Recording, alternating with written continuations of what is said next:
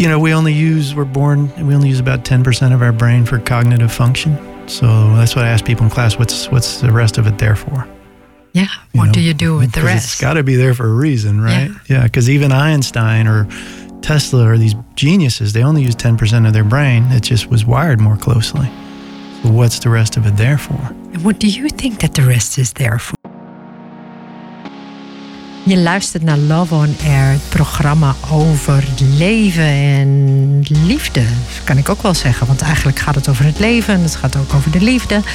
Ehm, een programma waar ik mensen interview, diepte-interviews heb over hun mening, over hun gedachten, waar ze vandaan komen, wat ze aan het doen zijn. Jeff Bumey, if I say it right. Close enough. Yes, was that Yeah. okay? Yeah, in, in America we changed it to Bamey. Bamey. Yeah. Oh yeah, I said it in German. That's Yeah. that's what it. Uh, that's what I did. Um, Jeff, you are a consecrator, initiator of Kriya Jyoti Tantric Yoga, That Did I say that right? You said it very well. and you're an internal alchemist. That is true as well. Okay, so everybody wants to know what and who you are because this is like I have so many different people on my podcast mm-hmm. and or even on the radio here at Haarlem 105. Mm-hmm. But um, what is it exactly what you do? Or I mean, just try and ini- initiate us in what you're ah. doing. right on. So, ultimately, what I do is help people change and evolve and become them their true selves. You know, and doing so through this ancient spiritual practice of Kriya Jyoti Tantric Yoga. And many people have heard of Kriya Yoga through Yogananda, Paramahansa Yogananda, bringing it west. And this is a specific branch of Kriya Yoga called the Vama Marg path. Vama Marg means the left hand path, which is like the out of the box or unorthodox teachings because it incorporates sexual energy, because it incorporates the feminine life force as well as the masculine life force. So, this is a very potent path of Kriya Yoga used to change your consciousness, to evolve your consciousness scientifically through changing your physiology. Okay? Kriya literally means internal action or action. Um, Jyoti means the light of knowledge. It's for those who want to understand, to not just believe, to not have other people tell them things, but to understand how their body works, how creation works. And we would say, he or she who comes to know the truth of the body can come to know the truth of the universe. And so Jyoti literally means the light of knowledge, just like Gnostic in the West is the light of knowledge. Um, Tantra, we have a explain, different explain Tantra. Tantra, yeah, yeah. So Because I think a lot of people just think that Tantra is a, a lot of sexual energy, but explain it a little bit more for the people. Absolutely. So, and I can go into deeper because really my teacher, Goswami Sunyata Saraswati, is the one who brought Tantra to the West in the late 60s, early 70s. And then people heard Tantra and, you know, sexuality and spirituality. Wow. And in a repressed Western culture, the sexual side of it just blew up. And so Tantra. But, but this is in the 60s and the 70s, This you was want to like say. really in the 70s is really where he began the teaching. But he was in Okay. India studying and then coming over here. I think he first came over to the West in the late 60s. And um, so he was like the first, I mean, he was originally from the United States. When he was 12, his grandmother, who was a friend of Yogananda's, took him to Yogananda. And Yogananda recognized him and said, What I'm teaching the Westerners is not deep enough for this one. And so, starting at 12, he had him study with a disciple in Chicago, um, Kriyananda, and with Sri Shelliji, who was up in Toronto, which is if you right across the border into Canada from Chicago. And so he studied with these guys when he was 12. And in the summers, they would send him to India to study with Satyananda, who was the master of the tantric path of Kriya. And so for like all his teenage years, he was spending, you know, the winters and the school year in the United States and then the summers in, in India. And what was his name again? Say it His again. name was Goswami, was his title. Yeah, Sunyata Sunyata, yeah. Saraswati. Saraswati, yeah. Yeah. It's Yeah. like the goddess of music. Exactly. He was a Yeah. member of the Saraswati order, and that's another Yeah. story. Only left-handed Virgos could be initiated into that order, and Really? the art and creativity. Yeah, he was magnificently creative and an artist, and he was an amazing man. He was a master, grandmaster of nine different Buddhist martial arts, five different Taoist martial arts, Egyptian solar yoga, Egyptian tantra, Tibetan Buddhists, Buddhism, Tibetan tantra. Um, Wow. I can just like go through the list. This man just never And stopped you, moving. you're one of his. Yeah, I Uh, lived with him for a while. I was yeah. lucky enough to, like, Okay. yeah, to live with him, and Yeah. he was a character. Yeah. Yeah, and he dropped his body maybe four years ago now, and he was he was told to go when he went west. He had to find eight Westerners to pass the teaching on to and pass the the lineage to initiate to, and I think meeting me was like the sign that he was coming to the end because he used to like call me number one. Like I, I was told to find eight people. There's number one. You know. Oh, wow. And, then. And did he find those eight oh people? yeah, yeah. We had the he did. ceremony in '99 that he passed the Kriya lineage and the the the authority to initiate, which is a direct connection to the Kriya lineage energy, to Babaji, Yeah. and to have the healing and protection and guidance and to have that energetic transmission. So that ceremony took place in 99. Hmm. And then he really backed out of the Kriya teaching and he mostly taught the Taoism because like that was really his love was the martial arts. But he was he was a master that was claimed by many different systems because one of the things he was told when he left the ashram was now you have to study everything so that you can speak to people in their own language because it's all one truth. And so speak to them in the language that they understand. And then, you know, whether it's from a Buddhist background or a yogic background or Native American background or Egyptian background or Western occult mystery system background, it's all the same energy, mm-hmm. you know. And so it's just like, what do we call the energy? What do we do with the energy? But it's all the same. So he brought Tantra to the West. You know, he was the first one that came here and taught that. And then it kind of took off and it turned into this, you know, the sexuality aspect was glorified and, and it's like, we're finally free. We can, like, you know, we can start working through our sexuality. So Tantra became synonymous with sex or mm-hmm. spiritual sex. And for a long time, it was, it's kind of ironic that he's the one who brought Tantra over, but it became, so associated out of the spiritual aspect and into like the emotional healing or relationships or just having a better orgasm, which I'm all for, you know, but it's like there's so much more to it than that. Yeah. So really in 99 he and I sat down and we're like because he called his system the Tantra of the Seven Mudras because he had Tantra from seven different systems, which a bunch of them I just named. And he changed it to the science of the Seven Mudras because Tantra had become, the understanding of it had become kind of debased. And then, um, you know, I named my school the Spiritual Science Society, and it was more focused on the science of, of awakening. And I didn't even use the word Tantra very much. And then maybe three years ago, it's like it seems like humanity's gone through a shift and in the last 20, 30 years, they've gone through this exploration of the sexuality and then it's like, okay, wow, that's great. I'm having better orgasms, I'm having a better relationship, but there's gotta be more than this. Yes. And it's like, okay, the spiritual there's a des- there's a desire now in the West for more of the spiritual aspect.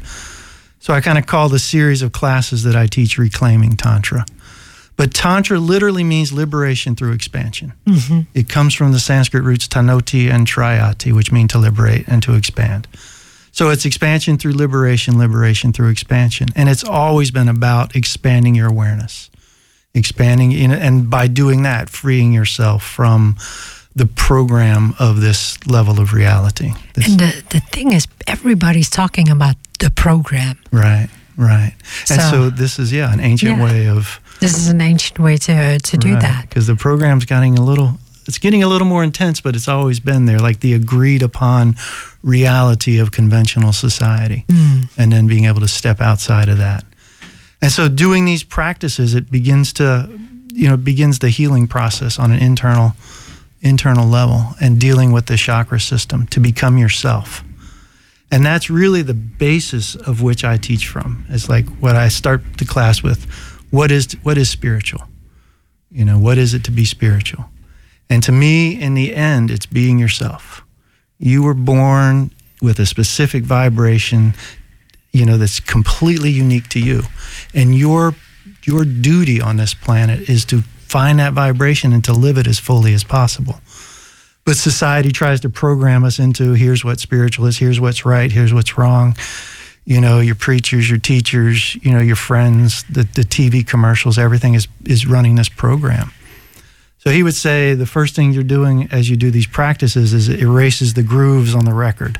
Yeah. You know, and so then you've got a blank record because it was grooved with what society thinks you're supposed to be from even before you're born. Mm-hmm. You know, and then from there, as you begin this process of of erasing that grooves, it's erasing the ego. And then you're left at the place where it's like, okay, who am I? And then you can groove it with who you really are.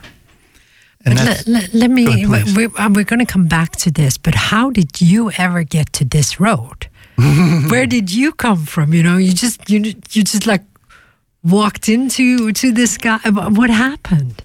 I mean, we we have a lot of times. Cool. Okay, I, I just want to know like a... where you come from then, because I mean, it's it's so. Uh, you know, yeah. I I just want to see yeah. where, where what your path was. Okay. Yeah. So it's it's kind of a fun story. You know, when I was a child, I knew like this is not the way it's supposed to be. You know. And well, where are you? You're you're born. Okay, so United I was born States. in Florida, in, in, in Florida. southeast United States. Yeah. In a very country, you know, setting, we had a farm that was like 35 hectares.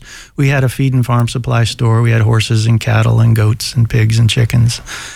And that's kind of the reality I grew up in was these country people that were not highly educated and very religious in the fundamentalist Christian area. Yeah. And so, like your typical images of the South, that's uh, in the United States. That's that's where I grew up, and um, I knew just a from the dysfunction of my own family, as well as just looking around. I mean, it, you know, the prejudice that was there, the poverty, the pollution. It's like this is not the way things are supposed to be as a child. But I didn't know how they were supposed to be. But coming from a Christian background, I always thought like, okay, I'm gonna go when I'm old enough. I'm going to go to the Middle East and I'm going to find the original copy of the Bible because you know the program in me was that's where the truth is, yes. right? And then when I got to be, you know, I hit puberty and I was partying, I kind of forgot about that a little bit. And then I got to college and it came back. It's like, how can I choose a major? How can I decide where to go in my life if I don't know what life's about? Because I see that it's like we do it backwards. You know, we we're raised, we're educated, we go to college, we get a job, we get married, we have children, and then then you know we live our career, and then like as we're getting closer and closer to death, we start to wonder what's life about. Exactly. Like, There's a lot backwards. of people. a lot of people are like. I'm going to die, and now I right. there must be a God. There must be, yeah. yeah I got to figure yeah. it out from here. So I started, you know, thankfully asking that question early, and then this series of synchronicities, which we can go into later if you want. But I ended up for spring break in uh, Key West, which is a small island off the coast of Florida, which feels like it's like very separate country. They even call themselves the Conch Republic. It's like more like a Caribbean nation than it is like America. And in there, I read, I ran, in, I came into a store that was like half tourist store, half occult bookstore. And this very dramatic looking man with black hair swept back into a ponytail and a black shirt on was there. And, and I had read a bunch of science fiction books as I was growing up. And then I'd read um, a book called Secrets of the Soil.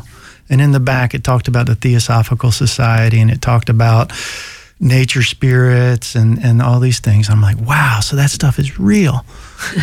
and I walked in and, and um, I started asking him some questions. And my mother was into Native American stuff, and I was kind of into Native American stuff too. And he had the Native American medicine cards and some other stuff, and I was asking about that.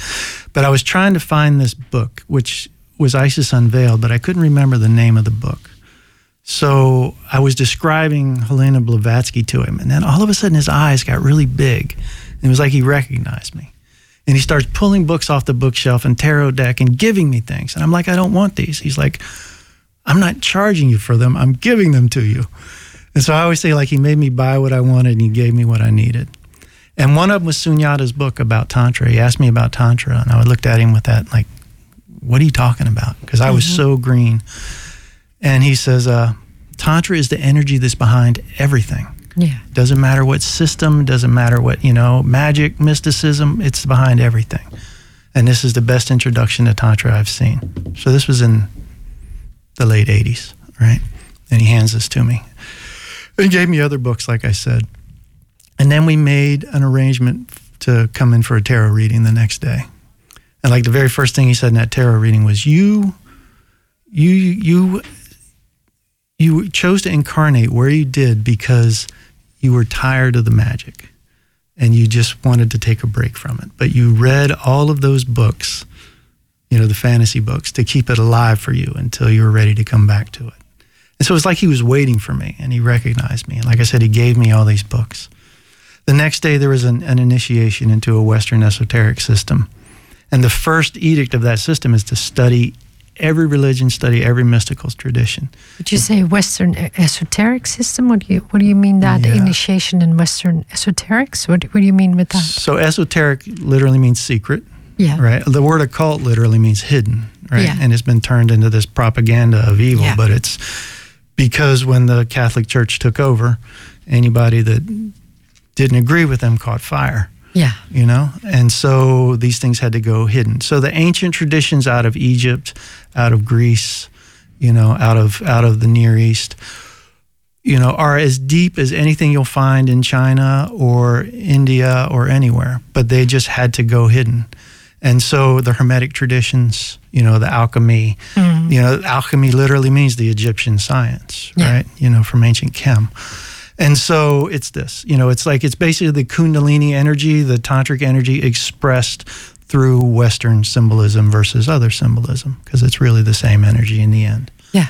And so that's what I mean by that. So I was inter- I was initiated into this secret school that's been around for a long time, and um, the first edict from that was to study everything until you see that it all comes from the same source so that when and this is the way they phrase it so that when the light comes in you're balanced and not a zealot. Because whatever you're focused on you know when the light comes in it's like buddha talked to me or jesus talked to me or muhammad talked to me or white buffalo calf woman talked to me but it's the energy coming in through the filter of your awareness. Mm. you know and so that if you're realizing that it all comes from the same place when the energy comes in you know you're aware that this is all coming from the same place and that these are different expressions of that of that energy and that awareness. So so that was how I got in, initiated into that. And then I read Sunyata's book and I did a lot of the practices on my own. And I filled out a little form that, you know, put me on their mailing list. And so I started getting I started getting information from that. And right at that time he had split from his wife. And so I, st- I got a lot of information from her, and then she was going to have this three week workshop in New Mexico, which ironically is where I live now. And um, I went to this workshop, and she, you know, and I learned, you know, I was instructed in different practices from the book, you know, directly. Plus, I received, it's called the Cobra Breath. You may have heard of, but it's it's technically called the Kriya Kundalini Pranayam. Mm-hmm. And any system that has been touched by Babaji has a cobra breath at its core. So, like when he consecrated us, he taught us the Egyptian cobra breath, the Sufi cobra breath, the Taoist cobra breath, the Kriya cobra breath, and the Tantric Kriya. Mm-hmm. And these are all different expressions of the same energy that's based on the focus of those individual systems. But in this case, I learned the Tantric Kriya cobra breath from her. And then I went back and practiced a lot. And then I started getting these images in my head three three years later maybe of like Caribbean islands. And like when I'm meditating, I'm seeing these Caribbean beaches. I'm like, what what is this all about? And my friend, she's from Colombia, and she's like, you know, she's like, you need to you need to date somebody because I wasn't dating anybody at the time. And she starts giving me because I told her about these visions, these flyers from all these singles resorts in the Caribbean. And I'm like, I don't think that that's what this is all about. and then that day, that next day, I, you know, I go home. The next morning, I get up, and in my mailbox is a flyer for this week long workshop in the Yucatan with Sunyata's ex wife. And I'm like, I don't resonate with like with those with her and with that. And I get this strong message: you have to go. And I'm like, my mind is like, I don't want to go. You have to go. So I, I paid for the workshop and I went there and I was like totally not resonating with where she was coming from or where she was teaching. But on the third day of the workshop, Sunyata shows up. Oh, and he wow. was there to lead this Tibetan tantric rebirthing practice that he wouldn't allow her to lead. And so I just kind of watched him for like two days and he watched me and I mean the individual teachings and that kind of thing. And then one day, you know, I'm kind of standing at the periphery of the crowd and he comes up and he's standing next to me and and he just looks over and he says, "You don't talk much, do you?" Which is kind of ironic that I'm having this 2-hour interview. Yeah. no, but I think when when people see you, they'll they'll see not. I mean, it's not like you're a talkative person. It doesn't look like that. Yeah. Although you have a lot of wisdom, but Thank you. Yeah. You're kind.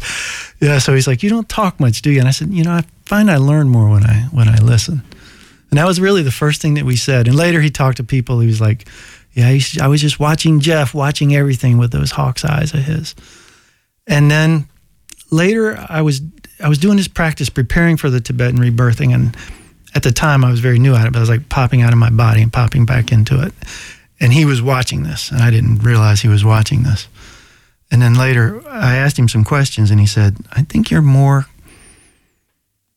more consciously evolved. He, he's, I think you're more spiritually evolved than you're consciously aware of. Because at the time I was living in South Carolina, which we would call the Bible Belt in America. And so I was the only person I knew practicing this. And I was, I was thinking that, you know, because the teacher that I met in Key West said, you're going to practice and at some point a teacher is going to come along. And, and, one, and he was explaining to me the Western Kabbalah and the tree of life and all this and how each place on the tree of life is a, is a uh, state of consciousness. And so, you know, I was young and I was arrogant and I was like, so where am I on this tree of life? You know? and he's like, you're down here in the pit. You haven't even woken up to be on the tree. And it's like, my ego was like, Psh.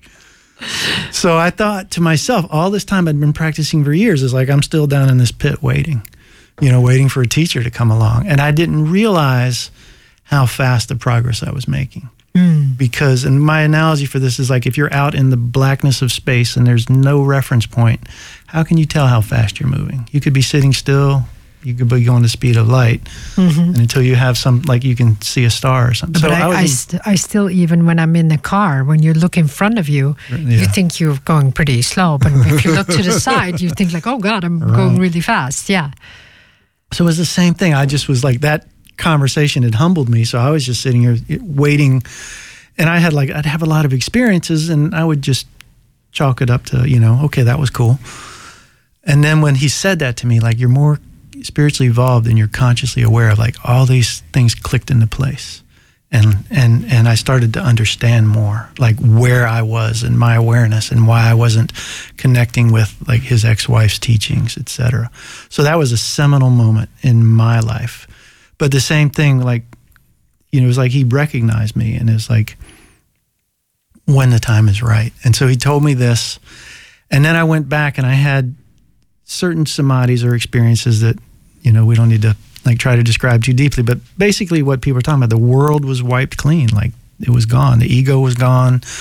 You know this reality was gone. And then it's like coming back and trying to integrate into that. It's like how can you function in this world when it's not real and i wrote letters to him and i you know reached out to him and he never responded and i was like yeah i was like you know You're like in your despair writing Right, right. Yeah. And I was like, what the heck? You know? And he wouldn't respond. because and, you um, wanted help, basically. Yeah. I wanted Yeah. like, help me understand this. And what it turns out is like now I understand because when I finally was able to integrate it all, and it took about a year. And then I went and saw him. I went actually back to Mexico and he was teaching back down in Mexico. And when I arrived on the property, like his his new wife was like standing out there waiting for me.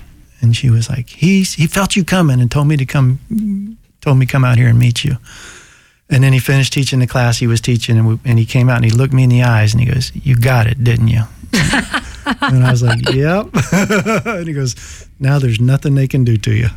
And so ever since then, we were like brothers. You know, it was. I mean, he always had like huge amount that he could teach, but it was, it wasn't like me looking up at him as like the master. It was like, this is my friend Sunyata, and we would just hang out together. And I lived with him for a while after that, you know, and it was really amazing to to to like be in his company and to feel that. But the reason why he wouldn't respond to me was I had to integrate it on my own Mm. because this is all about being yourself. And if I had lived off of his answers, then I really would have been a satellite of him.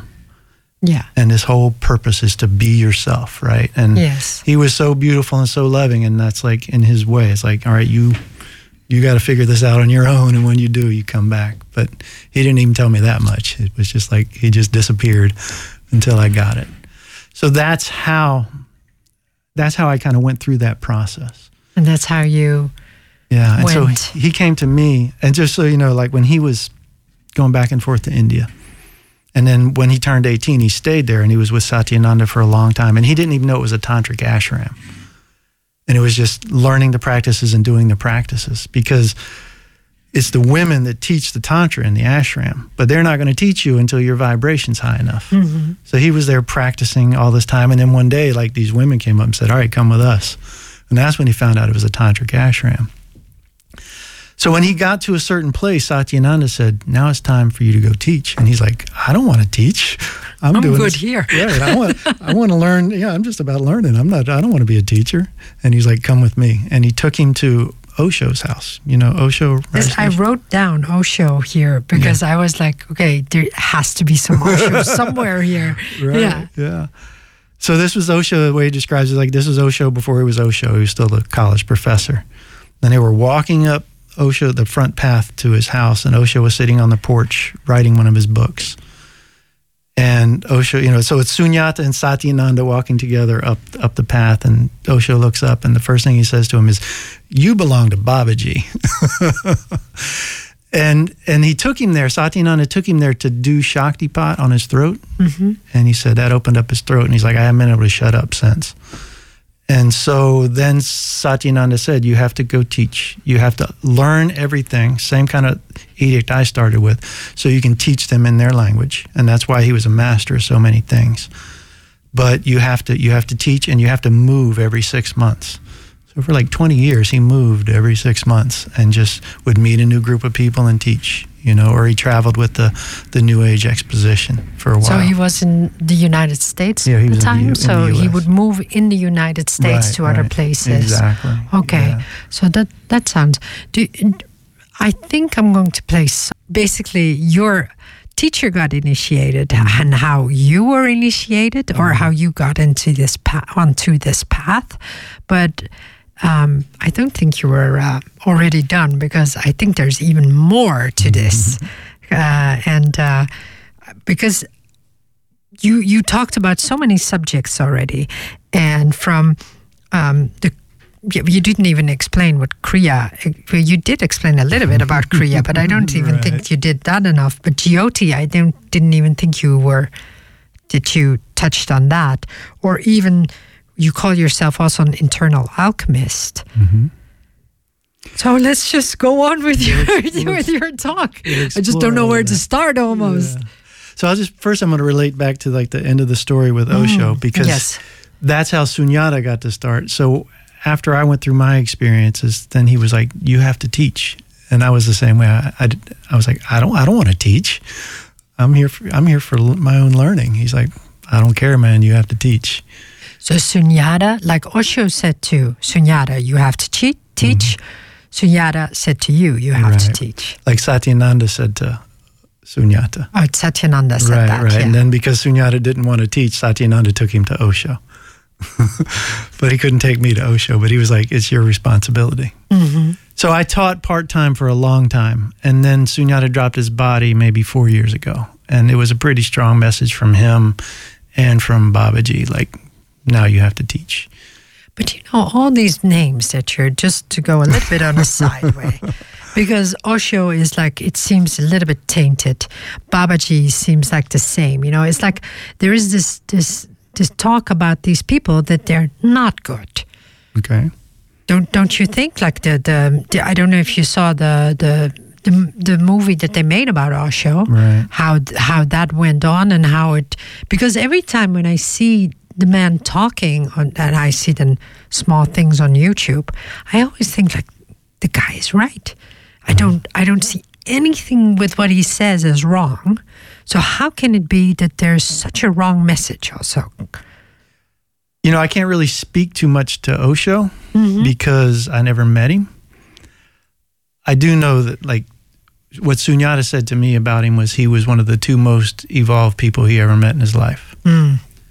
Um, but from my, I did see that that um, documentary. I've read a few of his books. Um, there's the teacher, and then there's the teachings, and then there's how they're received. You know, and I don't think that most of these spiritual teachers were like go out and kill each other you know because they don't believe the same thing you believe but that's what this is happening all over this planet so what osho taught and then how that woman interpreted it and then what she went and did and i think that he was pretty checked out as far as like living not really on this terrestrial plane so much and was relying on other people to take care of things Oh, that And- that would be uh, the Yeah. best explanation that I've heard. Yeah. Yeah, So I mean, because when you, like you said, you feel the vibration in his writings and the things Yeah. that he's done. It's like this dude knew something. He, th- yeah. He knew something because every time when he talks, Yeah. I'm always like, he's right, you know. And it, and basically, you're in the same. You seem like in the same corner, you know. Mm-hmm. So yeah, And one of the things I liked about Osho is like the essence of what Sunyata had to do and what I had to do is like see that everything comes from the same place. So Osho had writings about Christianity and Islam and Zen and Taoism and you know because it all comes from the same place. yeah, So he was very well schooled both intellectually through the university, but also he was very spiritually aware, you know, and then how other people interpret that is a challenge because hmm. that's that's really the challenge of all of this because you're you're explaining something, you're trying to explain something that's beyond the mind. But you have to use the mind to explain it, you know, because it's the mind that creates words. And that's why if you like look at the tarot and you see the the Magus card, it's usually some version of Mercury or Hermes, which is like the written language or the spoken word and the word of God, except it's always followed by this monkey. And it's just like as soon as a word is spoken, it's misinterpreted immediately. Because when I say the word yellow, you're thinking something very differently than what I am, yeah, even though we agree on the word yellow. yes, So to try and explain that which is beyond the mind, you have to take and you know create symbolism and and allegory, etc and then it's immediately misinterpreted. So I mean, Jesus, Buddha, Muhammad, all of them, their teachings are being interpreted mentally. and they're always interpreted by Right. people who Right. interpret it again in a wrong way, or you know, or, yeah, it's it's always it's always with the. The, the thinkings of the person who's in, interpreting it, and then when you're getting it, you interpret it also. It's just Exactly. very, uh, yeah, Right. And so, like, we have a saying in one of the books is like, you know, many people have come and explained this truth over and over, and again and again, the veil has fallen upon the holiest of holies. And it's because it just, it gets misinterpreted, and then somebody else tries to explain it in a different way. One of my favorite scenes from any movie is if you saw the movie Contact. But there's yeah, a- a while ago. yeah, I so think, there's this yeah. scientist who's trying to understand the world scientifically, and then they receive this information on how to build this device. And then they put her in this device, and it shoots her out into space. And she sees the vastness and beauty of space. And this is like one of the foremost scientists. But what she says is they should have sent a poet because it's beyond the mind's ability to describe. And so that's really what they did. And all these holy texts are really allegory, you know, that like you would get in poetry. But once again, it's still subject to interpretation. And until you have an experience, and that's why this teaching is experiential. You know, when you have an experience, you know, a picture's worth a thousand words and a you know, then experience is worth millions. And so to have the experience and then understand, oh, that's what they meant when they wrote this.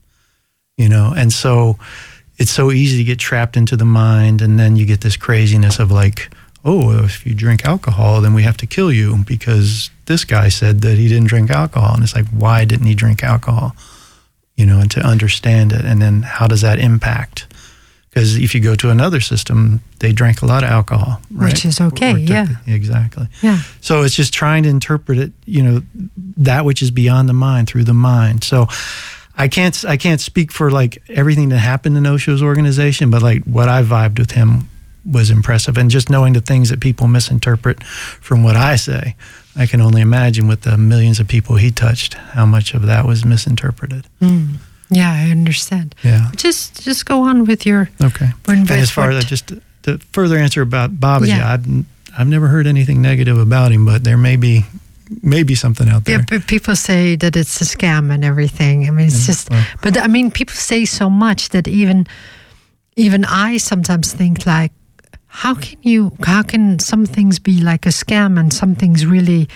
really happen you know like i've i've i mean i've been in india a couple of times mm-hmm. and you you see things for example because india is more i think i don't know some kind of spiritual thing is happening there mm-hmm. people people um how do you say that my my origin is turkish mm-hmm. my parents are turkish so in turkey is always uh, is already a different vibe uh, vibe we mm-hmm.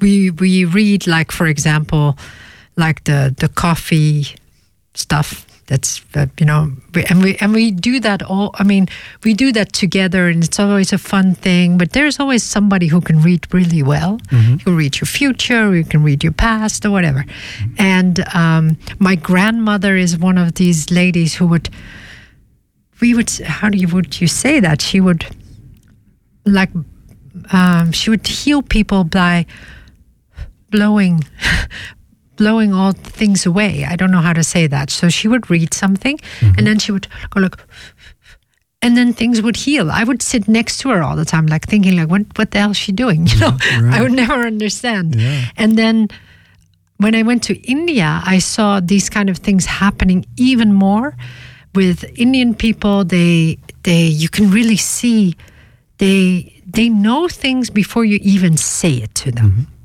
which always amazed me. I was always like, how did you, how did you exactly know? you know, they even would know the foods that I like. You know, mm. like the Indian foods, and I would be like, "This is weird." You know, mm. I've never been here, and you know exactly because they would. I was like, maybe every tourist likes this, but it's not like that. You know, right, there's right. something deeper and something different, mm-hmm. and um, so people will call that strange and weird right away because it's not something that you see much in the Western wor- world. You mm. see it, but not, it's very small still, I think. Yeah. And what's outside of your frame of reference is weird by definition, right? Exactly. Yeah. It's, and and it's and it is weird because if you see it and if you see those kind of things, it is weird. If you see all kinds of things happening, it is it feels a bit weird because you're like, what, why, how, and then you just have to like accept it or something. Mm-hmm. But that to me is like a blind person sitting next to a person with sight, saying, "Wow, it's really weird that he can just tell that she has black hair." you know, and it's activating other parts of your capacity that you're born with. This, yeah, I think mm-hmm. you say that very, very well. Yeah. Because that's what it is. It's like, I mean, it's it's the seeing person next to the blind person. Yeah. And so that would seem weird to them. Yeah. Yeah. And so, you know, we only use, we're born, we only use about 10% of our brain for cognitive function. So that's what I ask people in class what's, what's the rest of it there for? Yeah. You what know, do you do with the rest? It's got to be there for a reason, right? Yeah. Because yeah, even Einstein or Tesla or these geniuses, they only use 10% of their brain. It just was wired more closely. So what's the rest of it there for? And what do you think that the rest is there for? Well, to me, it's it's it's like an antenna to interpret other dimensions of reality. You know, and so this is why it's a spiritual science. You know, I, I say you do you don't have to believe me I, I encourage people don't ever believe me. Test everything. You know, do the practices because if you want to get stronger, you can go to the gym and you lift weights. You don't have to worship the gym owner. You don't have to pray to the weights. You just lift weights. Yeah. And if you do it repetitively, you can test whether you've gotten stronger or not. And you don't have to believe anything. It's the same with this. It's like these practices are designed to change your physiology, designed to activate your endocrine system and your hormonal um, your hormonal system and your nervous system, mm-hmm. to activate the third ventricle of the brain, which is the pineal, the pituitary, and the, and the hypothalamus. Now, in India, they call the third ventricle of the brain the cave of Brahman, right? In China, they call it the crystal palace. Yes. So when you hear enlightenment happens in the cave of Brahman, it's not you go to this mystical place in the Himalayas. It's inside your brain. And Sunyata used to say all the time, it's not this airy fairy stuff, people. Enlightenment happens inside your body. You know, and that's what to go back to Kriya is internal action. hmm Jyoti is the light of knowledge. You know, Tantra is liberation through expansion, and yoga literally means union. Yes. Okay, so it's union with your higher self, union with the truth, union with the universe, whatever you want to call it, through the internal action and the light of knowledge, you know, using the masculine and feminine and sexual life force. Because when you say it, it feels so good to my heart. But and then I'm always like, okay, if people listening to this, you know, mm-hmm. and they are not that, they, maybe they're not that far yet, you mm-hmm. know, maybe they they just gotten onto that path, you know, how how yeah, how would they get to know this a little bit better? Really, the only way to know is to do the practices and have what the kind experience. of practices? Do you have the practices? Is that what's given to you? Yeah, oh, absolutely. Yeah, that's what this is about. You know, Yeah. I'm, I, I've broken it down into, you know, um, several weekend workshops to learn the practices. The practices begin by clearing out the emotional debris, you know, the wounds, the the the traumas, so that the energy can flow freely through the psychic bodies. It activates this third ventricle of the brain that we're talking about. So what we're doing is we're magnetizing the cerebrospinal fluid we get it to flow more dynamically through the body. So the cerebral cerebral spinal fluid that goes through your spine. Mm-hmm. And what I know about it is basically normally it would go every day it would go one time up I think and one time down. Do I understand that right? You know, honestly, I don't know like of that rhythm. Yeah. You know, I know that it flows and it's different for everybody based on like physical exercise. Yeah, you know, and with uh, exercise you can speed things up and everything. So okay, and yeah. in these practices, like we do certain practices to make it flow more dynamic. So basically, the brain and the spine sit in this bag filled with fluid, and that fluid circulates through. So as we do these practices, one of the things we're doing is magnetizing, electromagnetizing that fluid. And as it flows up, it electromagnetizes the brain and it electromagnetizes that third ventricle. So eventually, the pineal and pituitary secrete a chemical. Each one of them secretes a hormone that connects with the other, and there's an electric spark that connects between them.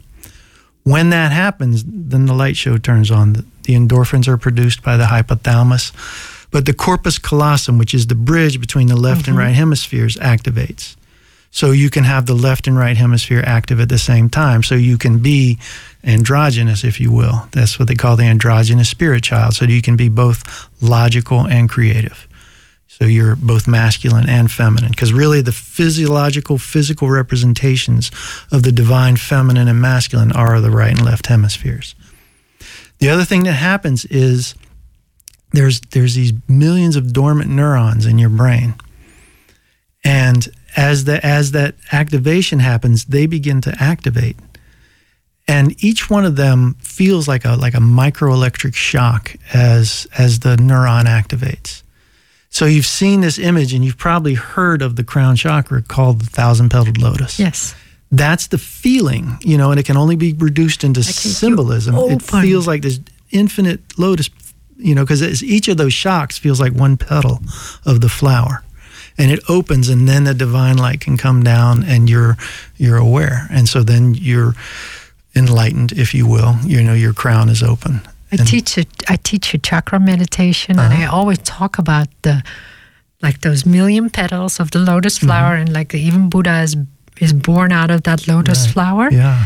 But um, when I say it, and everybody is laying down and, and they're in meditation, I never I um I don't know if people understand it. I don't even know if I understand it com- completely. Right. But um, I know I'm on the right path, Right. basically. That's uh, and you just gave me confirmation of that now. There you go. Yeah, absolutely. So yeah, beautiful. that's yeah. really that's really nice. Yeah. So so that's like the opening of that crown chakra. But we have to talk about that after the um, uh, after the news also because it's about uh, five minutes before uh, the news Okay. going to Yeah, yeah. Uh, start. so, so be- because every time I think when I ask you a question, you can talk for much uh, much longer than that, than those five minutes. Um, because um, would you say food has something to do with it also? Food? Yeah, because they say fluor, fluor fluoride, fluor, fluoride, uh, fluoride um, what's in toothpaste, um, blocks like the pineal gland. Yeah, I mean, f- the the pineal gland is calcified quite a bit by toxins in our society, including Yeah, fluoride, exactly. fluoride, Yeah. you know, and so yeah, that has an impact. That has an impact. And so, okay. know, clearing, you know, helping to decalcify your pineal gland will help yeah. for sure. But So the- that will help in this process. absolutely, because the So- pineal is like the physiological third eye, and there are you probably know light receptors in the pineal gland, right? Yeah, it's it looks like an eye also, Right, of course. exactly. Yeah. And so that's what I was, you know, to go back to the analogy of the blind person sitting next to the person with sight. That's what you were doing in India is like that third third eye was open to some level. So what mm-hmm. they're looking at as plainly as me looking at your hair, hair they're looking at whatever's going on in your field hmm. because their brain, that part of their brain that accesses that dimensional level is active. So that's why I call And it that's like open, so that's why they understand it more. yeah.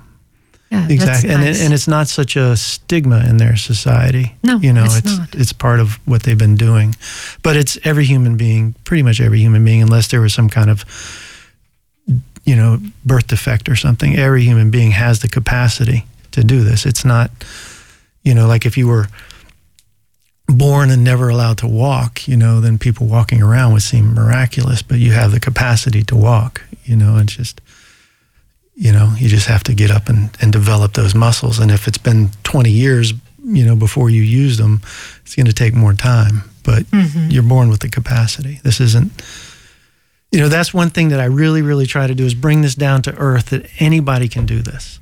You know if you're committed if you put in the time you know just like anybody can go to the gym and get stronger. You may not be strong enough to be an olympic athlete but you can get stronger than you are. Mm-hmm. You can develop these capacities and it's not some gifted guru born with some blessing you know when the moon was in this sign or whatever.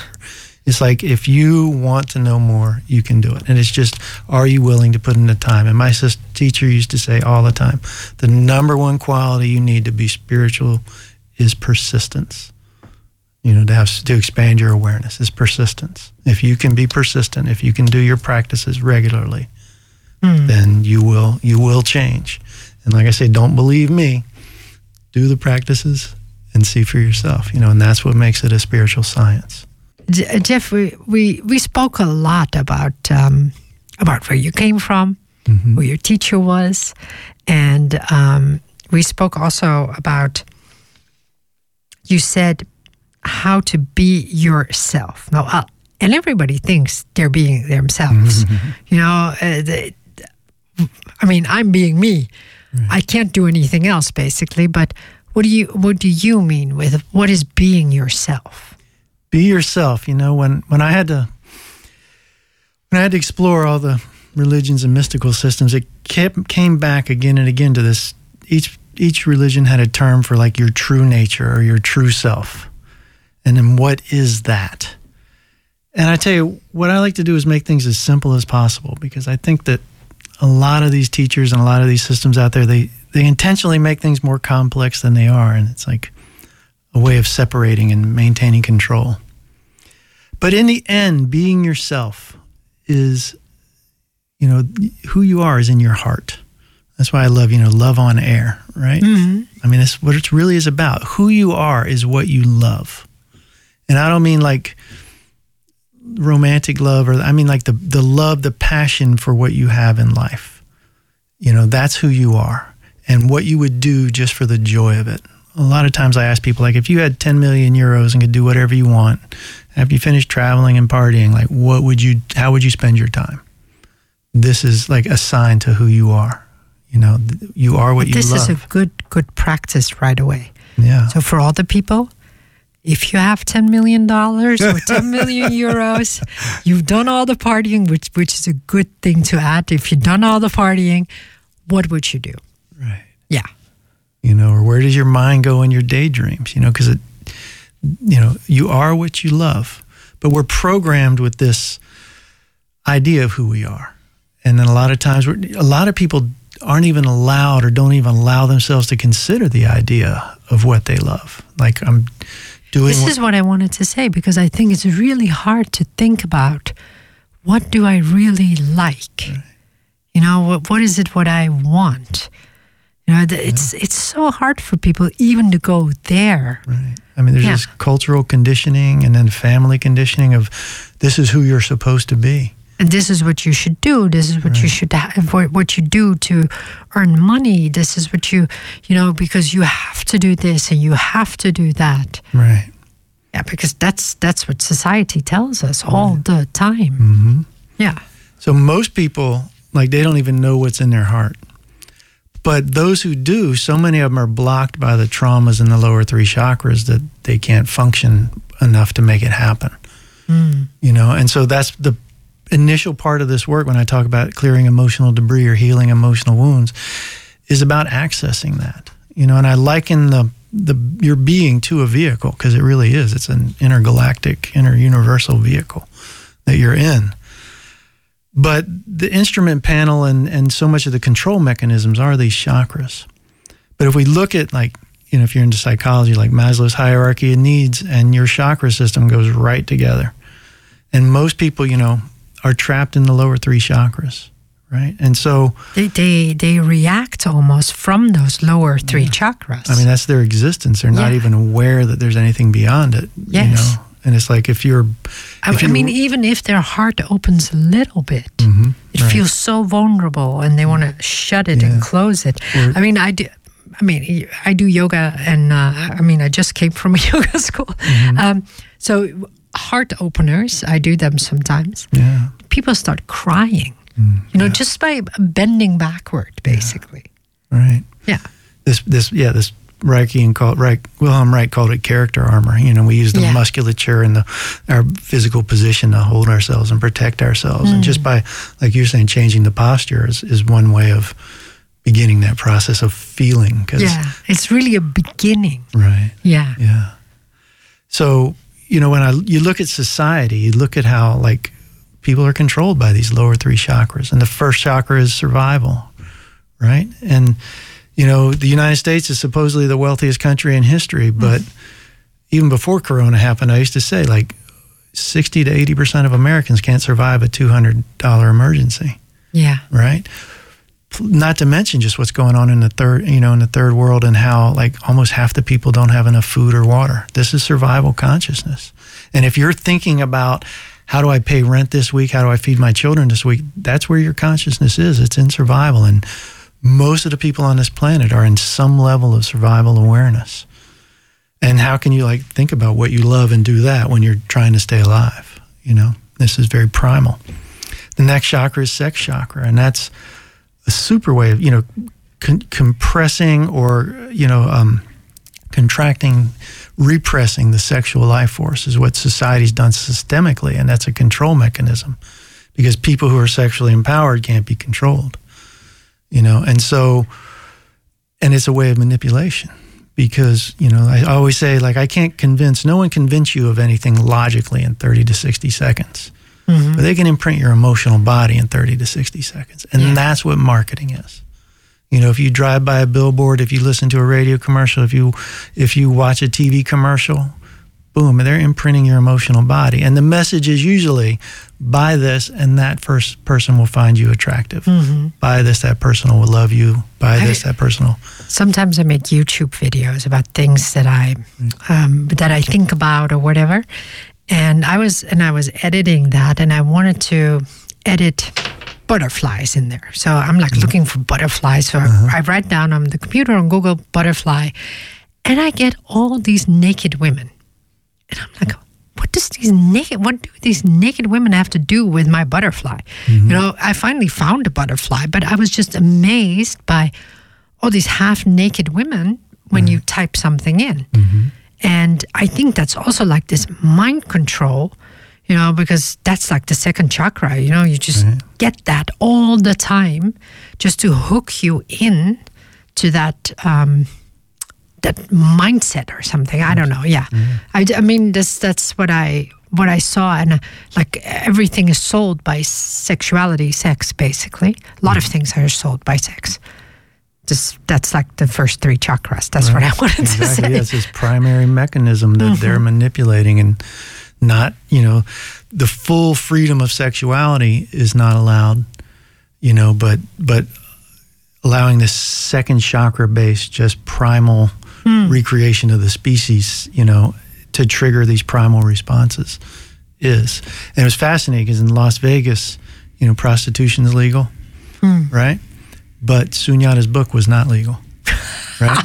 you can go pay for second chakra sex, but you can't read about spiritual, you know, using sexualities for spiritual growth. Yeah, but that's this is what I mean. This is incredible that people are afraid of that.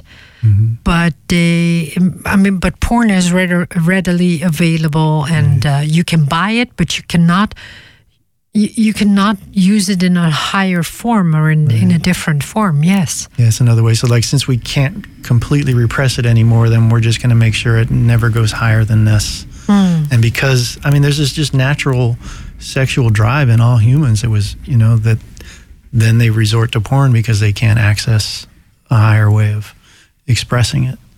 But it also seems like because we're in these three chakras, and you basically say marketing feeds us feeds us that all the time. Um, so the third one would be more like power. That's what you mean. Yeah, so, so third chakra is the power center, but it's also safety, you know, and it's Yeah. your sense of belonging.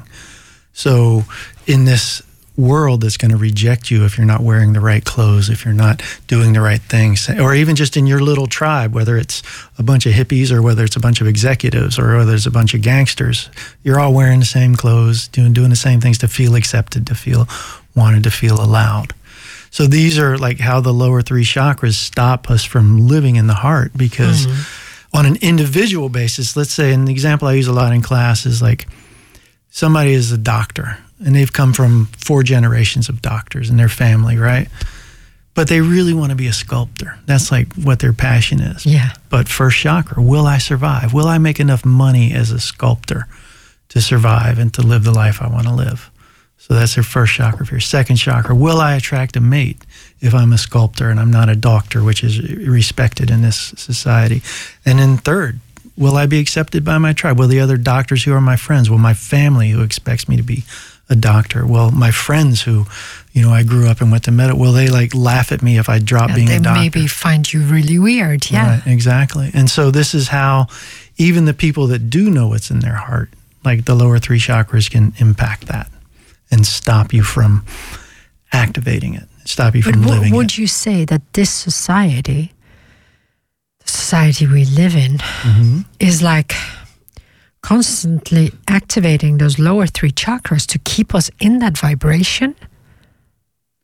I would say probably from the upper levels, there's a there's intention around it, mm-hmm. and then everybody else who's just kind of swimming in the soup.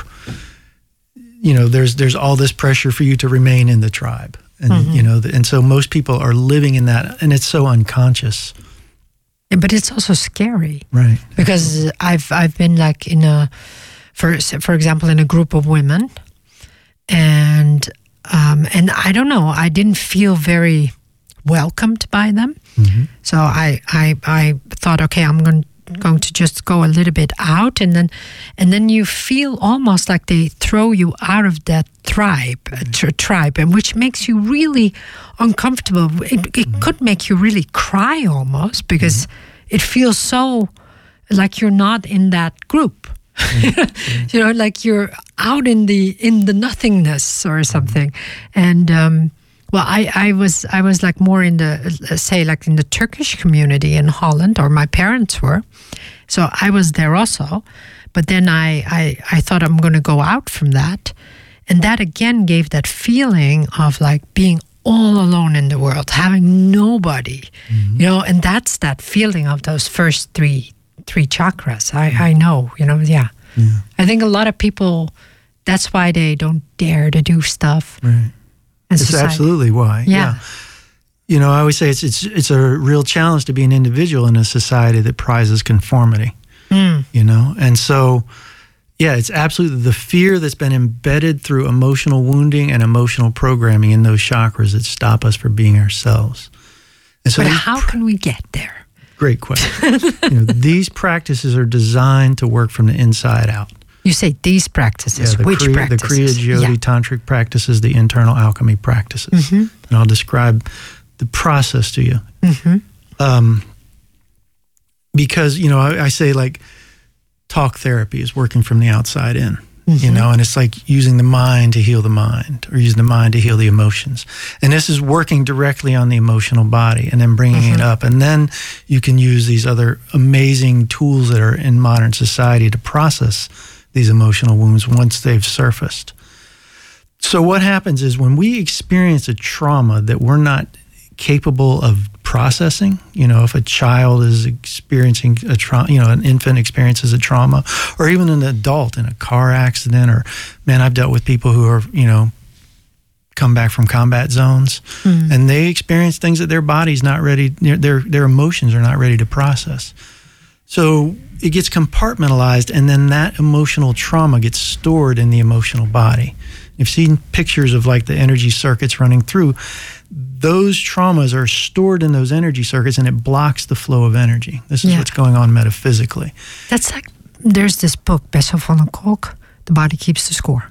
Yeah, okay. you talked about. Uh, yeah, yeah. So More as, as we do these that. practices, right? As we do these practices, so so it's it's it's stored as you know it's stored in the emotional body and then there it it sabotages your your life mm-hmm. unconsciously. Why do i keep doing this pattern over and over again? Why do i date this kind of person? Why do i get this kind of job? Why do i live in this situation? And it's this subconscious sabotage from this unresolved emotional wounding.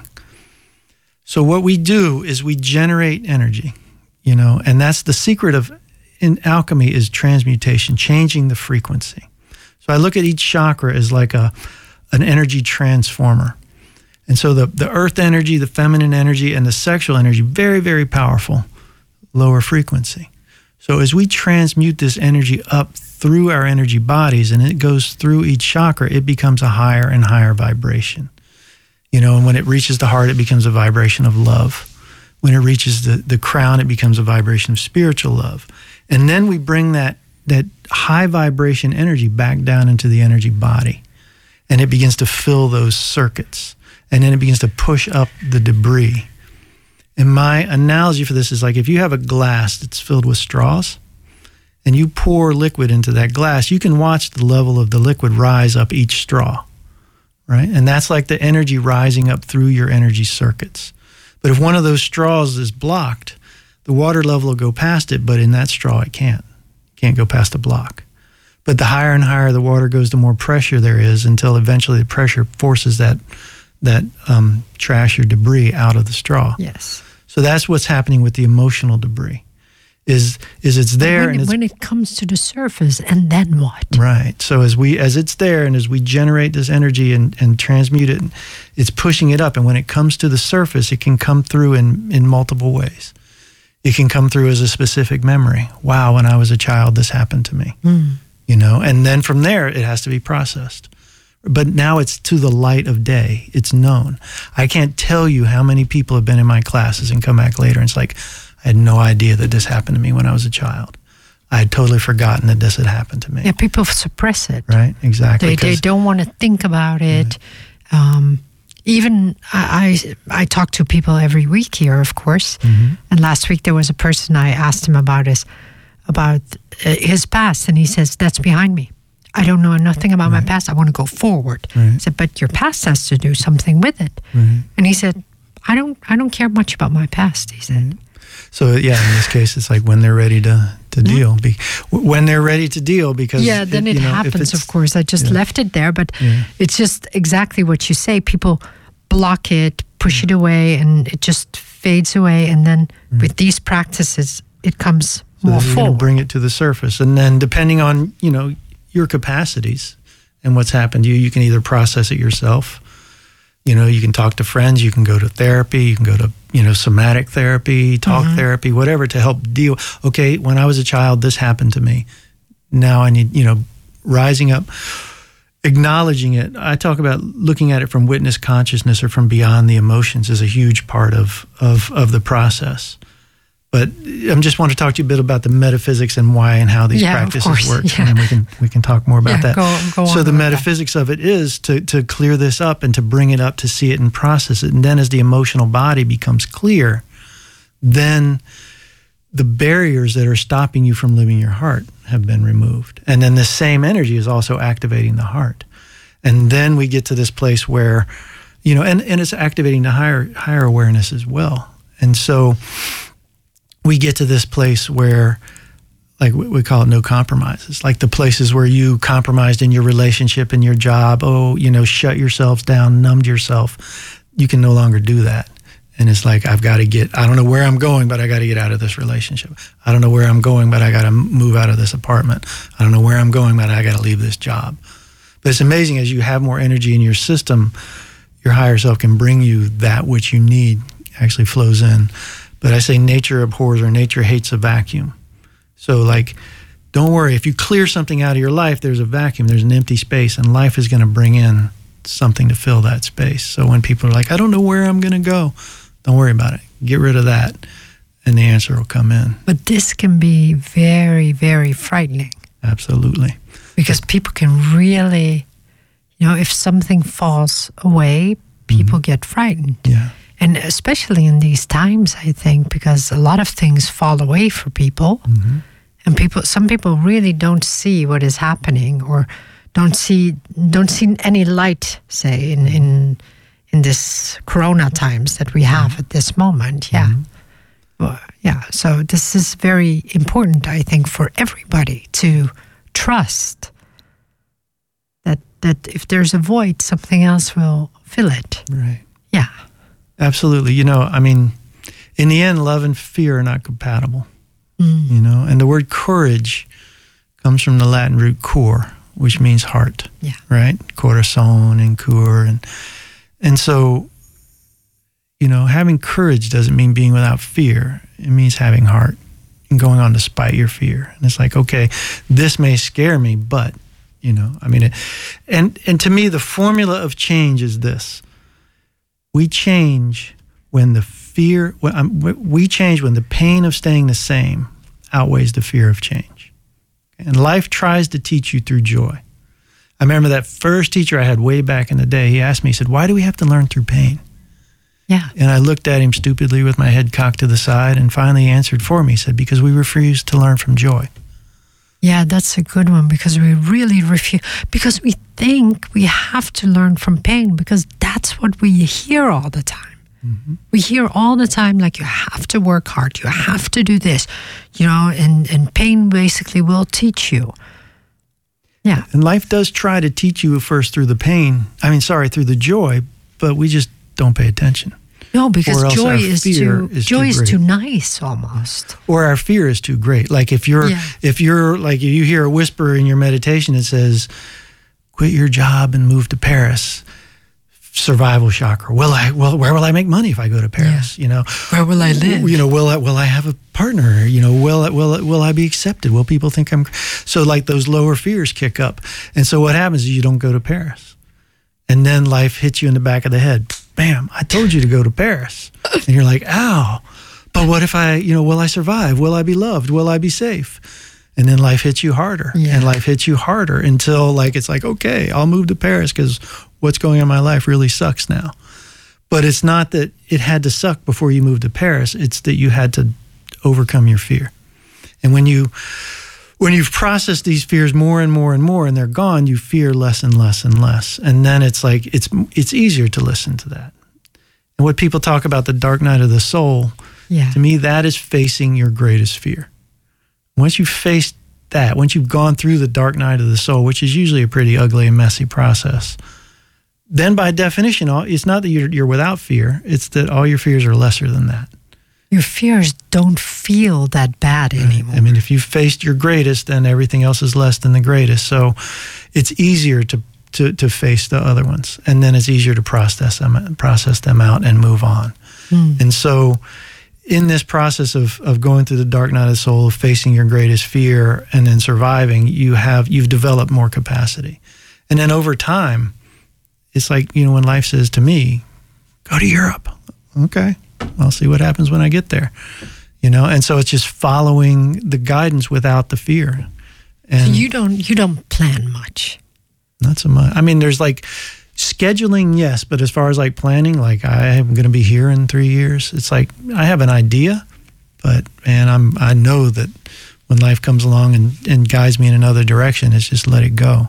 And and the experience really is like what comes out of it is more beautiful than whatever I could have planned for. You know, give, give me some examples how that worked for you. How that's worked for me? Yeah. Well, just like being here right now, you know, and so just this this trip to Europe in this case was magical in itself. Yeah, explain me that because you come here also for something. Right. right. Yeah. So I came here in March um, to Switzerland, and I was going to be in Switzerland for five days and then go to Portugal and teach. But um, as I was at the airport in the U.S., at, my flight left at 11:45 p.m. And I was getting these texts from, "Is everything okay?" I'm like, "What are you talking about?" And it turns out that like they closed the border at midnight. my flight left at 11:45. I went through Istanbul, yeah, and to Zurich, and then I'm in. I'm, then I'm staying with a, a student in just outside of Zurich, and um, I was supposed to fly to Lisbon five days later. The day I was supposed to fly to Lisbon, they closed the airport.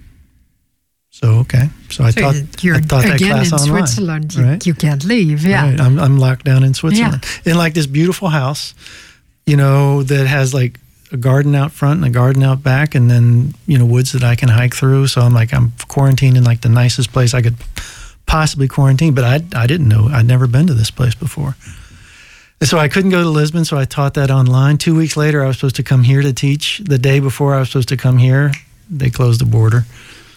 So I stayed in Switzerland, and then I was supposed to have actually surgery so while you I was really in, had to be in Switzerland. yeah, it was like I was there. Yeah. And rather than like, oh, Switzerland's expensive, or I don't know this person very well, or blah blah, it was like this is where I'm supposed to be. And then beautiful things happened all along. And then I was supposed to have surgery in in Vienna, and like a week before my two weeks before my surgery, the border opened up. and I, I took the train. I taught two classes, and then I went to uh, went to the surgery.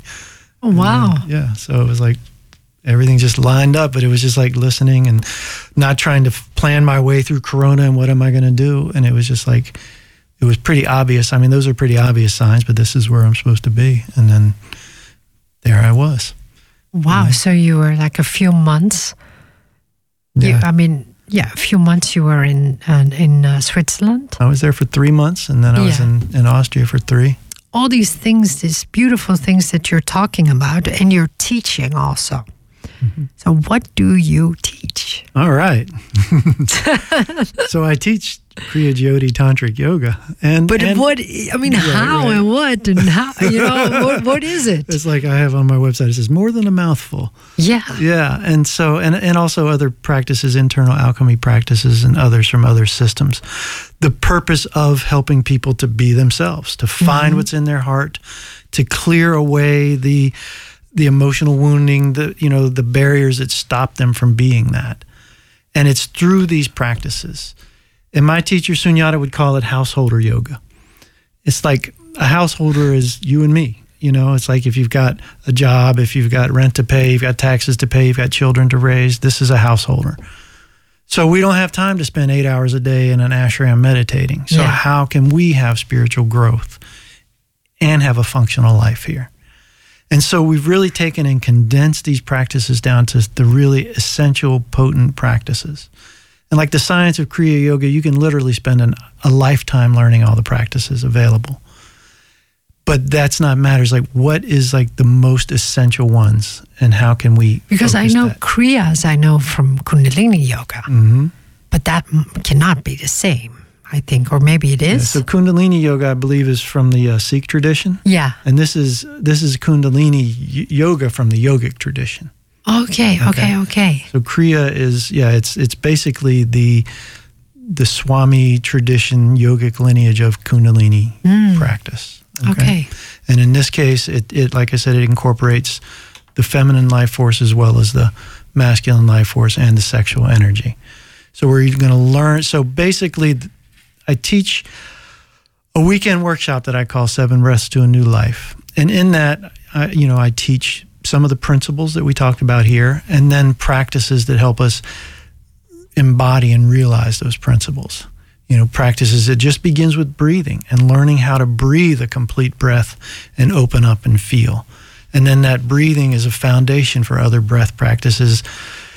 Kriya essentially, your Tantra Kriya essentially uses um, certain techniques. One of them is asana, which is posture, which I'm sure mm-hmm. you've heard of. Yes, of course. Okay. Yeah. Another is um, mudra, which yes. is gesture, um, which is connecting different circuits to to guide the energy through those circuits.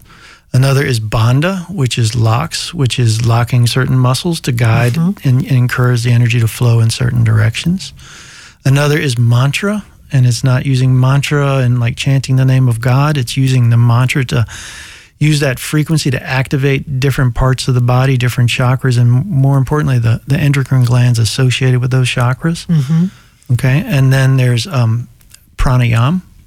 Yes. And Sunyata used to laugh because people translate pranayama as controlling the life force, and he would laugh like, "You can't control the life force.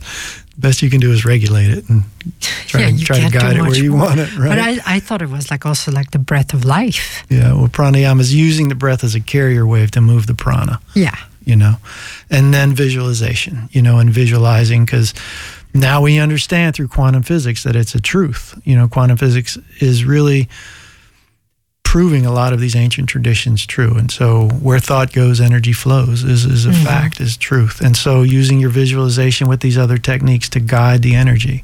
And then, how do we cultivate the sexual life force so that there's more energy in our circuits, both with a partner and with ourselves? But I say, like in the work, you know, the first thing on my website is, you know, to be intimate with another, you must first be intimate with yourself.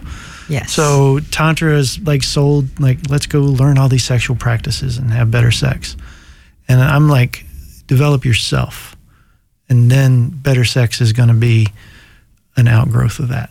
Because then of right. course because can, it's almost right. inevitable. Right. I even yeah. call it multidimensional lovemaking. It's like how can you connect with someone from your heart if your heart is closed? How can you connect with someone from your spiritual uh, chakras if, if you've never accessed them? So it's like, let's develop yourself. Let's heal some of these emotional wounds. And then the deeper and stronger a person you become, the more deeply and strongly you can connect with another. And the purpose of this isn't the connection with the other, but that connection amplifies the energy in your practice. And this is why, you know, my teacher would say it's the fast path, but it's the dangerous path. And we've seen why it's a dangerous path over the last decades because most people get lost in the sexual ecstasy and forget that it's a spiritual practice. Mm. And the you know, but the fast path is, I mean, everybody here's been aroused. You take that energy from your arousal, and instead of having an orgasm or altering the type of orgasm, and then you transmute that energy, like we talked about, which is alchemy, turning it into spiritual energy and bringing it down. And all of a sudden, in one meditation with a partner or with yourself, you've cultivated like many, many, many practices worth of energy. Yeah. So it can super hyper accelerate using what the creator gave us. Mm. You know, whatever your vision of the creator is, we were born with these capacities. And like, what kind of cruel joke would it be that, like, if it feels good, it's sinful, and if it's painful, it's holy? I'm like, I don't know who, what God created that, but I don't want that in my life. you know, it's like, it's such a weird thing when you think about it. So we were yeah. born but it's like instead of getting so lost but, in but that. The in, thing is, in Christianity, they always say that you're born in sin or something like that. Yeah, there is that. Yeah, yeah which which I I always found very very strange, but right. yeah, because because in Islam they don't say it like that. Right. They say different things, but they don't say you're born in sin. Mm-hmm. You know, so that's interesting. That uh, I always find it very interesting how you can have that in Christianity I don't know why. Yeah. yeah. there's a that's a whole conversation in itself. Because yes, like, I mean, even even in Islam, like the joys of sexuality are extremely repressed. Yes, you know. No, yeah, no, there, but there are parts of it they that Muhammad Muhammad says it's okay, but the well, well uh, that's yeah, that's I mean, not. We go back to we, like yeah, what we, the teacher taught. Yes. And then how people interpret it. Yes, exactly. Yeah, they interpret it very differently. And I think that yeah. Jesus and Buddha and Muhammad would be like shocked by what's going on? on I think so. No, but I, I already yeah. think what everything yeah. that Jesus said. I mean, they people misinterpreted him a lot. I think. Mm-hmm. Yeah. Absolutely. Oh, well, okay, so, just you you just go on with what you teach. Okay, right on. Sorry. yeah. So the first class is, I mean, they're pretty. They're very potent techniques. Hmm. I mean, there's a there's a, in the second level. I, I teach and then initiate the Kriya Kundalini Pranayam, which is the Cobra breath. Still in traditional Kriya, it's five years of practice before they will give you this technique, right? But a long time ago, Sunyata and I talked, and it's like humanity is at a crossroads, and it's time to take some of the safeguards off and make this more accessible. So basically, I've created a six month program. So you come, you learn the practices in the first workshop, you do those practices ideally for six months. It will help clear and heal your emotional body, and you'll start to understand what I mean is as your healing accelerates. Mm. You know, and then it's like then we like see like where are you coming from? And it'll it'll clear the emotional debris, help heal that, and also to make the energy circuits stronger so they can handle more energy.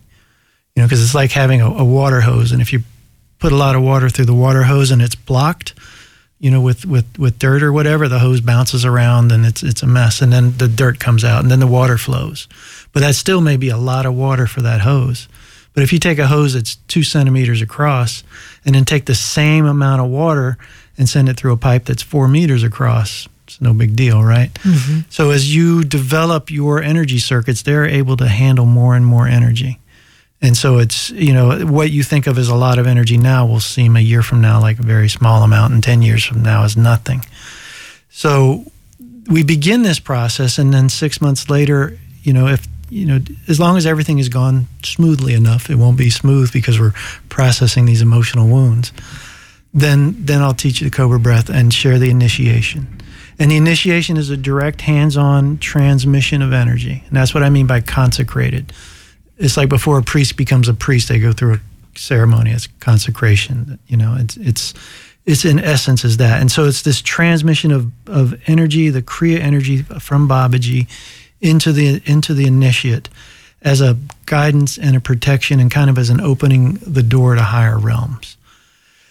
And we give this, like I said, it's much faster than the five years of normal Kriya practice. And partly because the Tantric Kriya is more potent, but also because like like I said, like this planet's in trouble right now. And the only thing that's really going to get us out of that is higher awareness. You know, and the other thing I says at the very beginning of my website is when one light bulb gets brighter, the whole room gets brighter. Mm-hmm. So if you want to make this a better world, make yourself a brighter light. You know, focus on yourself.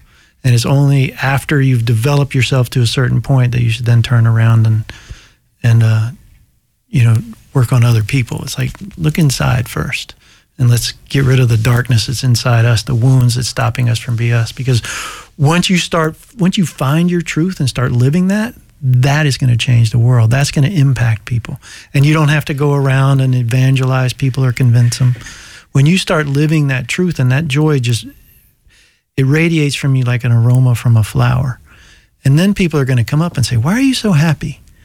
Or "I notice you've changed so much in the last 6 And then there's a window of opportunity. But if and you don't have to go around and knock on doors or try to convince people because they're going to come to you and say, teach me what you know and those mm-hmm. are the mm-hmm. ones that and it may be somebody you've never met and it may be an old friend but that's how that's how it spreads but just by think about it, if you if if you raise your vibration by definition the collective vibration has increased. Yeah so it will most, it will yeah, rise yeah. Right, absolutely. So my most important step in this process is like help everybody increase their vibration. And so it's and it only requires maybe 20 minutes of practice a day. You know, it's not like this, you got to practice for 10 hours or two hours even. A lot of people enjoy it and they practice more than that. Mm-hmm. And really, my teacher would say the more you meditate, the more time you have to meditate. You know, we all know like the little magic synchronicities that happen in our lives. Yeah. I just described like the story of me coming to Europe it takes energy for that to happen. It takes energy for your higher self to be able to guide these synchronicities. So the more you the more you meditate, the more energy you cultivate, and the more energy is available. Mm-hmm. And like the example is, like, all right, I've got to go across town. It's going to take me an hour to get there to buy this thing, and then it's going to take me an hour to get back. So it's going to be two and a half hours to buy this thing. And the day before I go, a friend walks up to me and goes, Hey, I have an extra one of these. Do you want it? And that just saved two and a half hours. So the more you meditate, the more time you have to meditate. Mm-hmm. And you'll be tested when you first start. The doorbell's going to ring and your phone's going to ring. And if you focus on you, because your higher self is going to go, is she, is she serious about this? And if you actually stick to it, turn your phone off, ignore the door, put earplugs in, after a short amount of time, it's going to be like, okay, she is serious. And then, and I can't tell you how many times, like I've meditated with my phone on, meditate, come out of meditation. Two minutes after I come out of meditation, the phone rings. You know, somebody knocks on the door. And it's like life plans it that way. You know, as long as you're cultivating the energy and as long as you're aligned with your purpose. You know. it's so much, it feels so much like it's energy work. Yeah. You're talking about energy work all the time. Exactly. I mean, everything is energy. I mean, Yeah. that's how I start the class when the people are like, I don't know about this energy. I'm like, if you look at the solar system, there's a sun and there's eight planets around it, mm-hmm. right? And most of that is space. Like in an atom, 99.99% of an atom is space. And if that's true, if you took one solar system and passed it through another solar system, what's the likelihood that a planet is going to hit another planet? Or when you take your hand, which is 99% space, and put it together with your other hand, why aren't they passing through each other? It's energy. I mean, everything, you know, it's the magnetic force, the electromagnetic force, the, the weak force, the strong force. The physics and quantum physics describes all this. But it's energy. Everything is energy. Your, every bit of your body is moving constantly. Hmm. And so we are energy, and thought has been proven by through quantum physics to impact energy. Where thought goes, energy flows. So if we are all energy, then we're just moving energy, and it's just the different levels of creation. Are the energies are slightly less dense, you know? But the, and this is fairly dense, but it's still energy. We're still ninety nine point nine nine percent space, which is really amazing when you think about it. It is. Yeah. But we don't have much time anymore. Okay. Time just goes really fast. I'm Right very on. sorry. Um, tell me when when you're um, so you you teach a class when? So I teach a class this upcoming weekend, which is the Yes. 10th and 11th of October. Yeah. It's uh, about eight hours a day from 10 a.m. to 6 p.m. We're Yeah. going to be at the Ava Meeting Space or Ava. Ava meetings or Ava meeting meeting, space? space. Yeah. You're American, it's Ava. Yeah. and uh, yeah, so that's this weekend. Um, if you want to learn more about it, you can go to spiritualsciencesociety.org. Okay. and uh, it's got you know it's it's got the, you know the upcoming workshops on that. There will also be a free talk, and people can ask me their own questions at Mahara. At Oh, so you're going to go to Mahara also. Yeah. That's nice. yeah, nineteen Good. hours on Thursday at Mahara. Okay, on this is- Thursday. yeah. Okay, so I'll see if I can send them this uh, this podcast. Oh, that'd be beautiful. That would be nice Right because on. then they have already a little bit of for all the people who can't come because Mahara is not that big. Right. Yeah, that would and we do have, um, just so you know, we have a Zoom link, and I'm going to also give the free talk via Zoom for those Okay, who can't okay, so that would be nice Yeah. Mm-hmm. also, so people can really see you even throughout Zoom. Very nice. And then the class, because of Corona's limited space, that is also available via Zoom. So Yeah. if people are in different parts of the Netherlands or whatever, they can come. So all that information is on the Perfect. on the web page and on the Facebook page. Okay, So very right on. Yeah. It's it. This sounds very very good, and uh, this talk went really fast. so it's like we're ten minutes talking, um, but I want to thank you very much, Jeff, and um, yeah, let's see. Uh, yeah, let's see how uh, how we can uh, make this energy even more. yeah, that's amazing. It's like thank you so much. It's like so beautiful to to meet you and Yeah. to connect with you. And thanks for bringing us in on such short notice. And Yeah. it's been a it's been a pleasure. I've had a great time. Yes, me too. Yeah. Thank you very much. Right on.